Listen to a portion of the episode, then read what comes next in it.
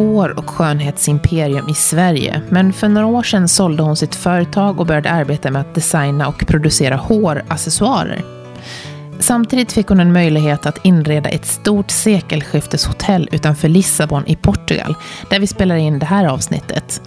Vi samtalar om att våga ta chanser när de dyker upp och om att utmana sig själv. Veckans gäst arbetar med design på många olika plan. Välkommen till inredningsbarnet Corinne Henriksson. Tack Johanna.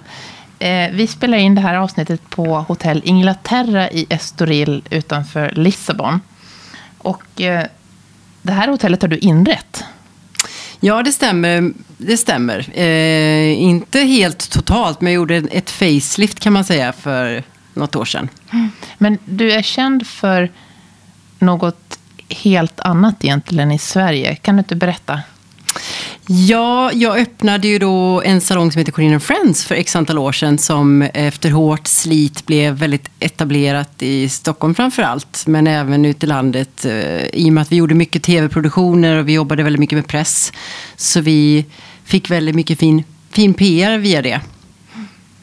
Och det blev väl egentligen ett, ett stort hår och make-imperium Ja, det är alltid svårt att prata om sitt egna så, men, men eh, absolut, vi var ett, eh, ett inarbetat varumärke med ett, ett eh, otroligt starkt team som hade jobbat med mig i många år och vi hade en väldigt eh, eh fast, eh, trogen kundkrets. Ehm, så att, ja, det, det, var många roliga år. Mycket roligt som hände under de åren. Mm.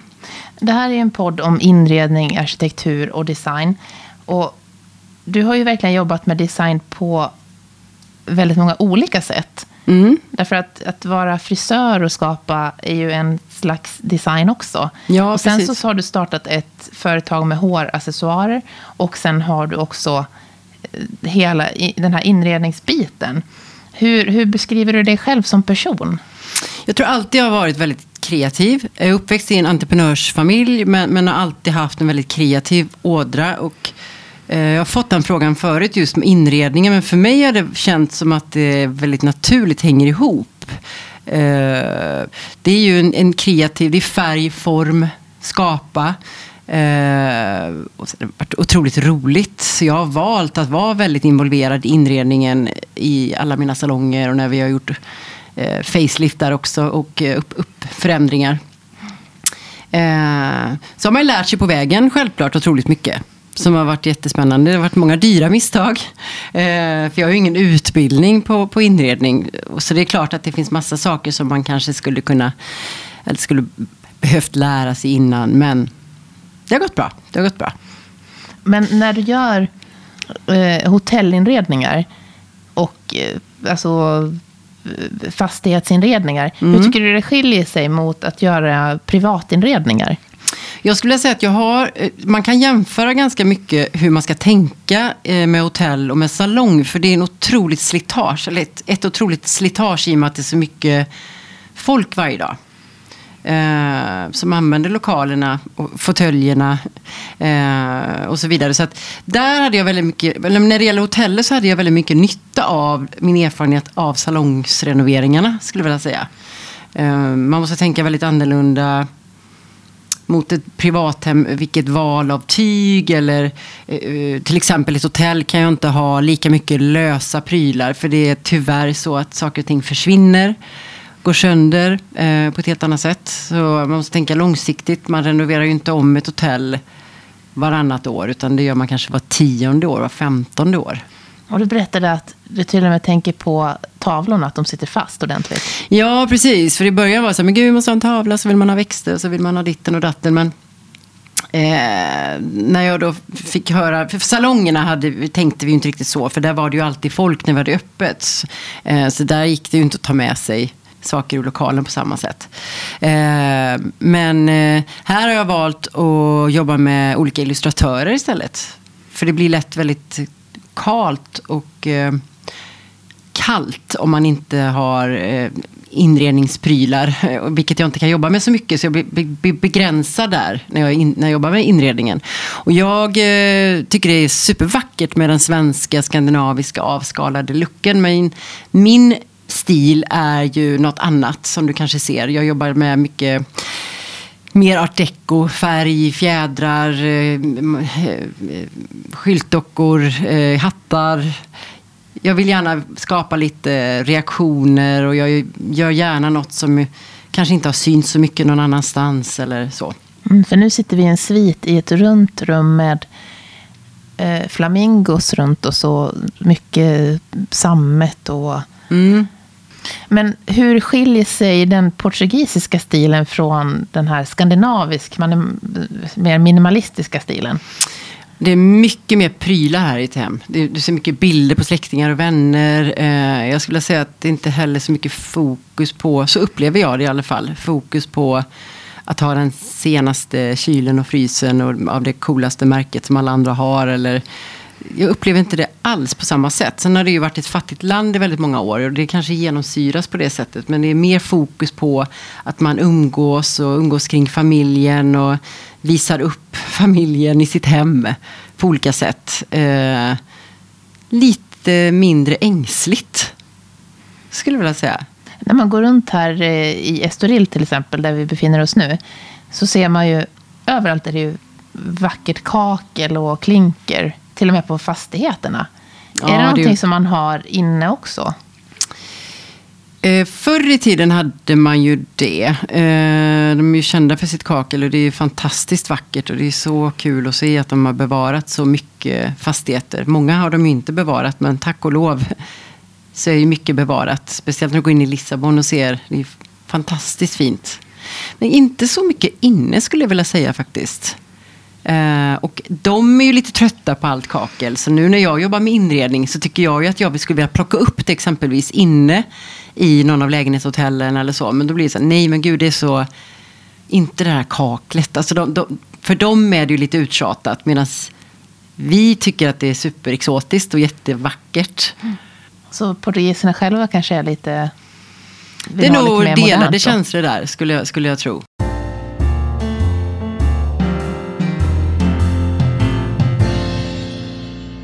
Hur eh, beskriver du dig själv med vad du gör nu? Känner du dig så här som en multikonstnär med alla saker du gör? Ja, alltså det är superkul att få göra den här eh, kombinationen och också få ta del av båda världar, Sverige och Portugal. Och vi reser mycket, eh, också jag och min pojkvän och jag och mina vänner. Vi har precis varit i Milano faktiskt, jag och mina tjejkompisar över helgen. Eh, så det, det skulle jag säga, men min core business är ju fortfarande att bygga vidare på mitt varumärke Corinne som jag någonstans satte grunden för med Corinne Friends. Eller någonstans satte grunden, jag satte verkligen grunden för det. Eh, och jag ville någonting mer än vad mina dåvarande partners ville och det var därför jag också tog klivet faktiskt att eh, ta det här stora beslutet att, att faktiskt lämna mitt eh, livsverk Corinna Friends för att kunna tänka, för jag ville, jag hade mycket större vision, jag hade tänkt mycket mer internationellt, eh, hur jag ville växla upp och bygga vidare på det jag hade gjort. Och då blev det så till slut. Att, att ta sådana beslut är ju, kan jag tänka mig, väldigt svårt. Det måste ju, är du sån som person att du är att du vågar ta tuffa beslut och att du är modig? Ja, men modig skulle jag nog vilja säga att jag är med tanke på min eh, historik där med Corinna Friends. Men det var ju ett fruktansvärt svårt beslut. Det här med att ta klivet. Och det var ju något som jag bollade med mig själv och nära vänner i flera år. Ehm, och det började med när jag, när jag tog in partners för x antal år. Jag märkte att vi hade, inte hade någon bra kommunikation och vi delade inte samma vision. Och då förstod jag ganska snabbt att jag kan inte bygga upp och fortsätta bygga det här och inte kunna ta klivet dit jag såg eh, vart resan skulle sluta eller fortsätta.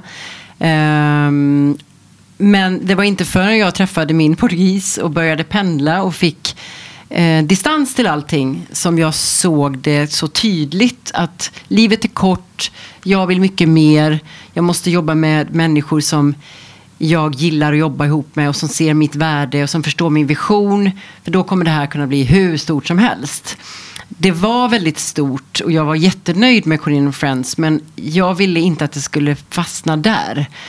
Utan jag tänkte utanför Sveriges gränser, produktutveckling, det finns hur mycket som helst man kan göra. Så att det, den insikten fick jag på ett annat sätt när jag började pendla på distans. För jag levde ju och andades Corinne Friends. Och då kan det vara svårt ibland att se klart. Vad är det viktigaste du har lärt dig av den här resan med att starta ett sånt här ändå som blev ett stort eh, skönhets och hårimperium till att lämna? Jag har lärt mig så otroligt mycket så jag vet knappt var jag ska börja någonstans. Men allt ifrån ledarskap till eh, hur man ska tänka när man bygger bolag. Framför allt hur viktigt det är när man släpper in partners och vilka man gör det tillsammans med. Kärnan i bolaget är ju extremt viktig. Att man delar samma grundvärderingar och vision. Det tror jag, det tror jag är nyckeln till framgång i de flesta bolag. Att man, ha, att man har samma målbild. Men du är, du är uppväxt i en entreprenörsfamilj också. Det stämmer. Är det någonting som du har haft nytta av? Eller? Det tror jag absolut. Inte så att de har lärt mig företagarbiten egentligen så. Men, men jag har ju varit så uppväxt i entreprenörskap. Så jag tror att det har varit väldigt naturligt och omedvetet så har man blivit påverkad av det på olika sätt. Jag har alltid sett mig själv eh, att jag vill gå min egen väg och göra min egna sak. Alltså, även när jag har varit anställd så har jag varit den som har tagit mycket plats i, i form av eh, ja, men engagerat mig och velat ordna kundkvällar eller man ska ordna vernissager, man ska ha samarbete. Alltså det har alltid funnits eh, massa idéer som jag har brunnit för att utveckla och implementera. Vilket ibland har också varit så här, gud kan jag inte bara tagga ner och ta det lugnt och klippa och vara nöjd. Men eh, jag skulle inte bli lycklig i det heller. Det är inte jag. Och så kanske det är en av anledningarna till att det, har blivit sån, att det blev en sån succé också. Absolut. Att du, att, att du gav det där extra. Ja, absolut. Jag, jag, jag hade sån otroligt eh, klar målbild. Jag, jag, jag, gav aldrig upp, även om det var så fruktansvärt mycket motgångar och varit jättetufft. Och det är det ju när man startar bolag och speciellt kanske när man är lite grön och inte riktigt vet hur man gör och sådär. Växer lite för snabbt och man gör dyra misstag. Och... Men det var, jag tvekade aldrig på att det skulle ordna sig. Eller det fanns liksom inte det här att jag skulle lägga ner eller Möjligtvis eh, strax innan då när jag valde att liksom lämna eller, eller kliva, eh, sälja eller vad man ska säga. Eh, då kändes det lite hopplöst just för att jag, jag hade kämpat ganska länge med att hitta en bra kommunikation med mina dåvarande partners och vi hade byggt upp något så pass etablerat. Så det var det tog så emot att eh, släppa min bebis. Eh, det gjorde det. Men, men, men eh, man får ibland väga för och emot. Är det värt det priset som jag får betala? Eh, är jag beredd att kanske inte kunna bygga mitt bolag på det sättet som jag vill? Nej. Skulle du ta in eh, samarbetspartners i ditt nya bolag? Ja, det har ju varit eh, intressant att fråga. För det har ju verkligen varit eh, tagit emot kanske låter fel, men, men, men visst, det finns ju en självklar anledning till att man är lite försiktigare. Så är det ju. Men jag sitter faktiskt nu, just nu eh, med i förhandling eh, för att eh, det, det är tufft att växa organiskt och nu är det ju så fantastiskt att se hur stark trend man ser på marknaden och överallt med just håraccessoarer som jag håller på med, som jag har hållit på med i så många år. Så det finns en otrolig lust att växla upp och växa lite kraftfullare och göra lite kraft, starkare, eh, snabbare. Och då mm. behövs ofta mer kapital och det behövs eh, kompetens. Eh, man kan inte göra allt själv. Det finns x antal timmar på dygnet. Ehm, så att jag sitter just nu i de tankegångarna. Men det är lite läskigt, det är det absolut. Men eh, man får inte bli... Till slut får det också bli, det får inte gå till överdrift heller så att jag inte kan lita på någon eller inte kan ta steget vidare heller. Så det är lite så jag har diskuterat med mig själv nu fram och tillbaka. Så vi får se vart det landar. Men jag vill verkligen växla upp. Nu har vi ju gått eh, äntligen hittat en bra distributör. Jag har ju puttrat på ganska långsamt här sedan jag lanserade 2015. Eh, Medan sen någon månad tillbaka så har vi börjat jobba med en stor distributör i Skandinavien. Eh, så det är superkul. Så nu har vi börjat sälja i Skandinavien. Vi är på väg in i England. Eh, vi har börjat lite lätt i Spanien och jag har börjat titta på Tyskland och Italien och sådär. Så att vi, eller vi säger jag. Eh, jag jobbar ju inte själv. Jag har ju eh, ett team omkring mig. Även om vi är mycket färre än eh, eh, vad vi var på Corinne Friends. Så ser jag absolut en ehm, Nej, nu tappade jag bort mig. Ja, du ser att det finns eh, ett... Vad var jag nu? Partners? det finns ett värde i att... eh, Men det finns ett värde i att ändå ha nära samarbetspartners. Det finns absolut ett värde om man hittar rätt parhäst så är det klart att man blir starkare ihop. Det tror jag absolut. Eh, men det är, det är verkligen för och nackdelar. För det, det, det är mycket som ska falla på plats för att man ska liksom... Ja, nej, det, det är svårt, men, men eh, självklart. Och jag kan inte göra allt själv. Eh, och jag är inte beredd att jobba sju dagar i veckan, 18 timmar om dygnet heller nu i min livssituation med partner i mitt liv och, och sådär. Så att eh, man har hittat andra värden i livet. Det är också en av anledningarna varför jag byggde upp Corinne Friends. Så jag levde ju andades. Jag hade ju lika väl kunnat ställa in en tältsäng egentligen där på salongen. Jag var ju där jämt. Mina anställda skojade om det. Du kan ju lika väl sova här också. Varför går du ens hem? Liksom. Du ska vara här om några timmar igen, det- som vanligt. Så gör du inte längre. Du liksom jobbar inte så Jag jobbar extremt. mycket, men jag är också noga med att så här, ja, men när min sambo kommer hem, att jag väntar lite nu, det här är livet också. Att stanna upp och faktiskt andas och prata med honom en stund och så kan jag fortsätta sen. Eller, ehm, ja, lite så. Se andra värden i livet också. Vänner och familj. Och, vilket jag försummade väldigt mycket under de åren. Jag var ju väldigt sällan, träffade ju väldigt sällan min familj och var singel i jättemånga år. Eh, vilket, eh, alltså, jag hade jättekul i mitt jobb men nu kan jag känna lite att okej, man går igenom olika faser och, och eh, man blir äldre och klokare förhoppningsvis. Och eh, en av eh, faserna nu är väl att, eller en del i fasen nu är väl att jag tycker det är viktigt att prioritera det som jag inte prioriterade under många år.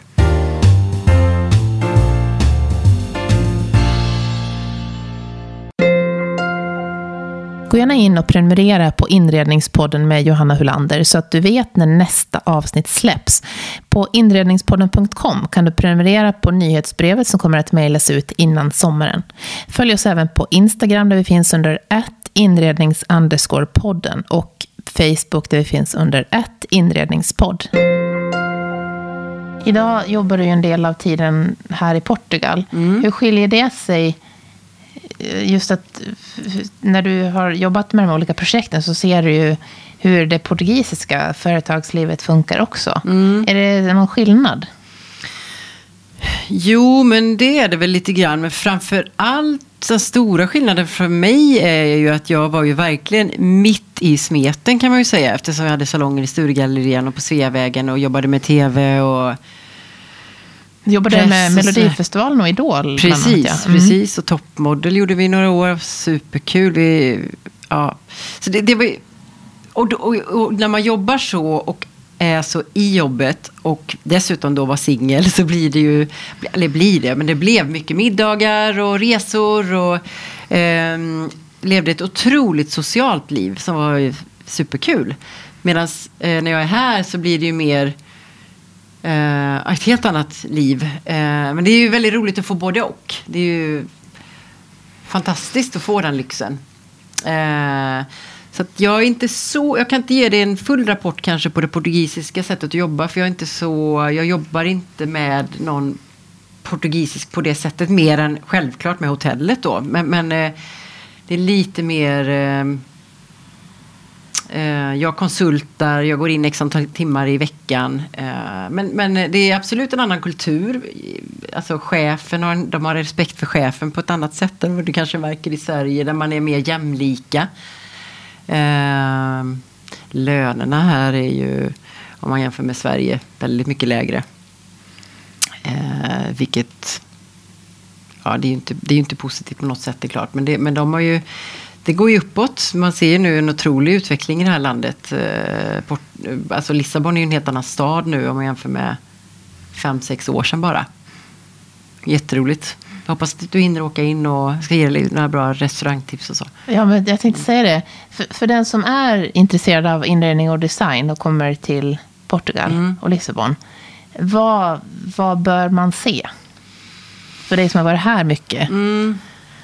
Alltså jag tror egentligen, det är klart det finns ju vissa framförallt restauranger som jag tycker är så supercoola och som är nya nu här då som, som är jätteduktiga på inredning och en del hotell och så som jag kanske tänker spontant då på. Men, men eh, överlag tycker jag alltid resor för mig har varit det som, där jag hämtar min inspiration mest. Eh, så om du bara åker in till Lissabon en dag och strosar omkring så kommer du se så otroligt mycket inspirerande. Det bara myllrar av nya restauranger och barer. och um, det som är roligt är att det, skil där ser också, det skiljer sig väldigt mycket tycker jag, in, inredningen. Medans inte för att klanka ner på Sverige för vi är så duktiga och har så bra smak och vi är ju superduktiga på design. Men där kan jag uppleva lite mer samma stil kanske. Än vad jag tycker här. Men det kan vara för att jag inte är härifrån. Det är kanske de som, tyck, de som bor här kanske tycker samma sak, tvärtom då. Men man tycker det finns en annan individualism här. Eh, otroligt kreativt. Och att man vågar jobba också med, hur ska jag uttrycka mig? Det behöver inte alltid vara så dyrt för att det ska vara coolt och snyggt.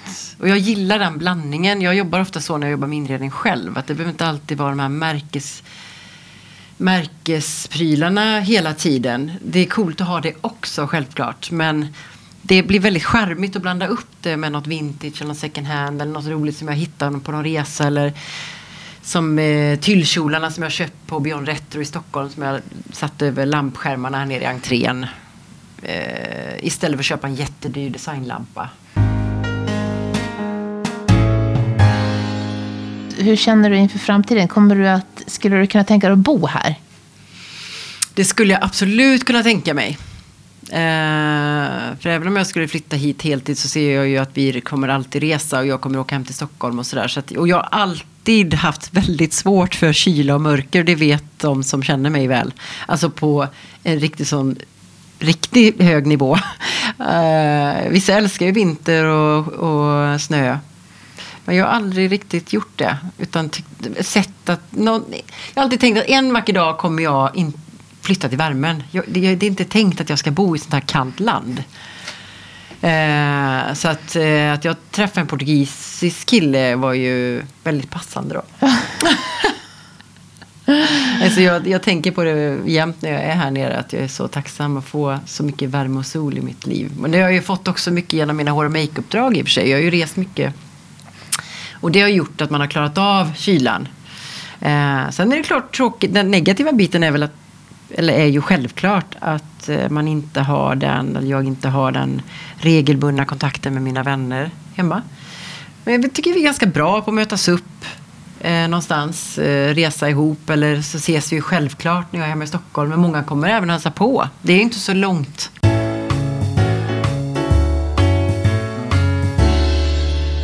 Hur skiljer sig livet när du är här i Portugal och när du är i Stockholm?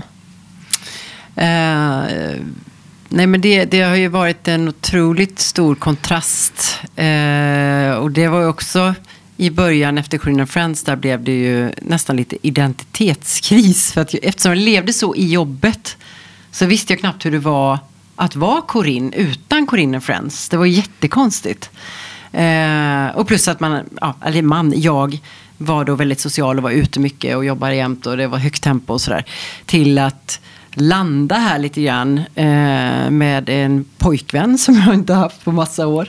Eh, som har två, två bonussöner, eh, två hundar och ett helt annat tempo. Men det har varit väldigt nyttigt för mig. Jag har behövt det. Det har varit jätteskönt. Så det, nu är det ju också återigen perfekt att få den här kombinationen. Ehm, där jag kan landa men också komma hem och få den här eh, socialiseringen och pulsen. och Men, men, nu känner jag mig verkligen redo att... Eh, ja, men jag, alltså, jag, gillar ju att jobba. Alltså, jag får ju en kick av att eh, utveckla och bygga vidare och sälja och designa och liksom bygga bolag. Så att jag är inne i en otroligt rolig fas nu. Där jag eh, verkligen har liksom, ja, men sadlat om och, och tagit mig igenom mitt sorgarbete och, och, hoppat upp igen på hästen och så här, nu kör vi. Eh, det är jättespännande.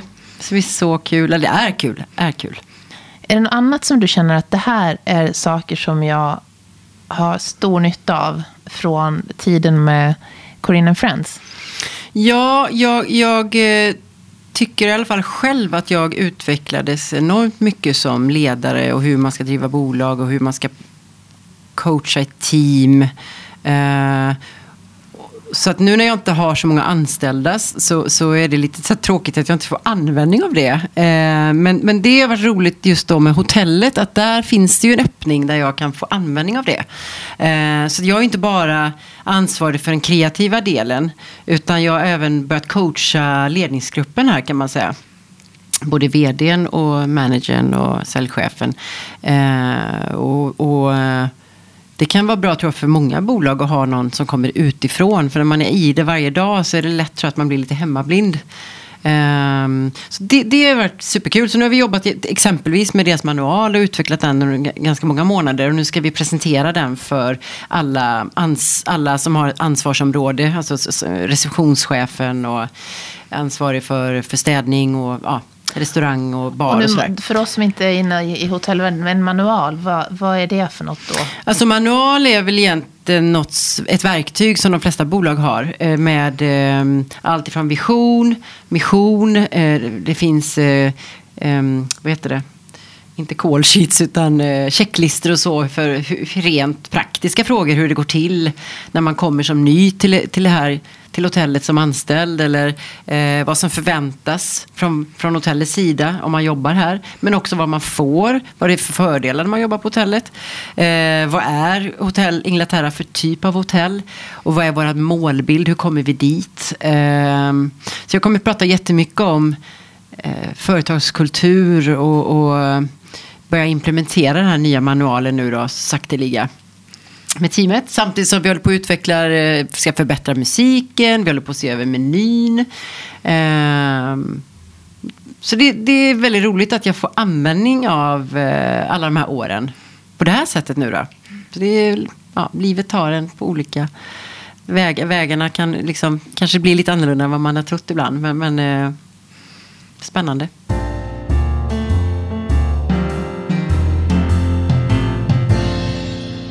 Prioriterar du annorlunda nu, känner du? Ja, det gör jag. Jag lever ett eh, lite mindre rock'n'roll-liv. jag är lite mer mån om att få min sömn, eh, dricker mycket mindre alkohol, jag har slutat röka. Eh, jag lever mycket mer hälsosamt, ja. Men det känns som att det är en trend generellt nu. Man ser också den här LA-trenden som har varit många år. Eh, många nu i Stockholm som lägger upp från att de tränar och smoothies och detox juices. Eh, minst lika mycket som att man sitter på krogen och tar ett glas vin. Så det, det, känns som att det är överlag faktiskt. Eh, det kanske är för att vi alla i samma liksom, ja, det här gänget, alla blir ju äldre och man orkar inte lika mycket längre. Så det finns säkert de som kör det här rock'n'roll-livet nu som är yngre ligan som inte jag hänger med, är klart. Hur är det här? Här är det ju, jag menar det är ett vinland. Ja, och man röker gud. ganska mycket. Ja, men det, det, man märker att det börjat pratas en del om att det här med sluta röka här också faktiskt. Eh, och vi såg nu när vi var i Milano i helgen och många som satt och puffrade på de här, de här elciggen och så. Så det känns som att det har börjat komma lite nu i Sydeuropa. Men visst, de röker mycket mer här än i, i Sverige. Man kan fortfarande röka inne på vissa ställen, vilket är nästan lite så här härligt kan jag tycka. Eh, det är det ju inte, det är jättefarligt med cigaretter. Men, men det, det bara ger någon härlig känsla till en restaurang tycker jag, att det finns en möjlighet att sitta och ta en cigarett någonstans. Även om jag inte röker själv längre. Men vin är ju jag är ju verkligen en vinälskare, även om jag inte dricker vin just nu. För nu har jag kört en detoxperiod här under ett tag. Men Eh, gillar man vin så är ju Portugal fantastiskt. De har så bra viner och väldigt, väldigt billigt. Eh, så att eh, jag kan verkligen rekommendera att besöka Portugal av många anledningar. Men eh, vinet är framförallt en väldigt stor anledning att komma hit. Ett fritidsintresse. ja, exakt, exakt. Har du några andra hobbys? När du, jag tänker på just livet här. När du, Ja. den, den tid du är här. Finns det något annat du känner att det här, det här älskar jag att göra här? Ja, alltså jag har ju blivit hundägare nu då, som mina vänner fortfarande skrattar lite åt. Så de bara, jag aldrig, skulle aldrig kunna tro att du skulle ha hund. Och det trodde nog inte jag heller. Jag har alltid gillat hundar. Jag har inte varit en sån här djurmänniska kanske, men jag har alltid gillat hundar eh, i så fall, om man ska välja ett djur. Men ändå inte sett mig själv kanske ha egna hundar. Men eh, min sambo ville absolut ha hundar och han ville ha schäfrar, vilket jag inte är så förtjust i. Så när han ringde mig på någon vinlunch där, facetimade med de här små cockerspaniels, små, små valpar, så blev jag ju helt kär också. Eh, och jag har ju blivit helt tokig i de här två hundarna, två bröder, Antonio och Alexander. Oh. Så att det, det skulle man nog kunna säga är min hobby. Min sambo är nästan lite svartsjuk på de här hundarna. För jag är liksom... I och med att när jag är här så jobbar jag mycket hemifrån. Så jag är med hundarna väldigt mycket. Och sen älskar jag alltid gillat i många år att gå ut och ta powerwalks och träna ute. Så då tar jag med dem ner till beachwalken och promenerar med dem. Och... Så det har ju blivit att, ja, att de tyr sig väldigt mycket till mig också. För jag tar hand om dem väldigt mycket. Så det skulle man nog kunna säga är en av mina hobbys då. Vilken förändring. Ja, det kan man verkligen säga. Ja. Men väldigt mysigt. Väldigt mysigt. Eh, I den här podden får man ju önska en gäst som man vill lyssna på i ett kommande avsnitt. Om det blir möjligt. Är det någon som du känner att den där personen är lite intressant? Alltså, nu kommer jag att tänka på, det är inte en svensk person, men just eftersom vi är i Portugal och jobbar med inredning så kommer jag att tänka på Filip Stark, för han bor ju faktiskt här. Jaha. Så att eh, du skulle ju försöka se om du får få en intervju med honom. Jag vet vart han bor någonstans. Bor han här utanför? Mm, han har köpt ett hus inne i Cascais. Eh, Jag kan visa sen. Eh, så låter eh, intressant, Ja, så det var bara första namnet som slog mig nu när du, när du sa det. Eh, det är klart att det är en otrolig inspiration kan jag tänka mig att få träffa honom. Som är så, så stort namn och gjort så mycket. Verkligen. Ja, Och kan ju vara intressant för dig också. gud ja, verk, verkligen. Håraccessoarer designade av Philip Stark. Ja, exakt, exakt. exakt. Ja, men nästa besök. Då, då kanske vi kan få till någon dejt med honom. Ex ja, det ska jag absolut se om jag kan eh, rycka i lite trådar. Jag brukar kunna vara lite spindeln i nätet. Vem vet? Han var på samma fest här med min, med min eh, pojkväns exfru. Hennes födelsedagsfest här i lördags. Så det finns tydligen lite connections där. Men det är inte så att jag pratar med min pojkväns exfru sig varje dag. Men jag kan ju eh, kolla med mina stepsons. Precis, vem vet? Ja. Om man vill komma i kontakt med dig, hur hittar man dig då? Då kan man texta mig på Instagram, corin.world. Eh, eller mejla mig på corin.corin.world tror jag är enklast. Gå, gärna in på min hemsida, kolla mina jag gör lite reklam här. Precis, men tusen tack Corinne. Tack ska du ha.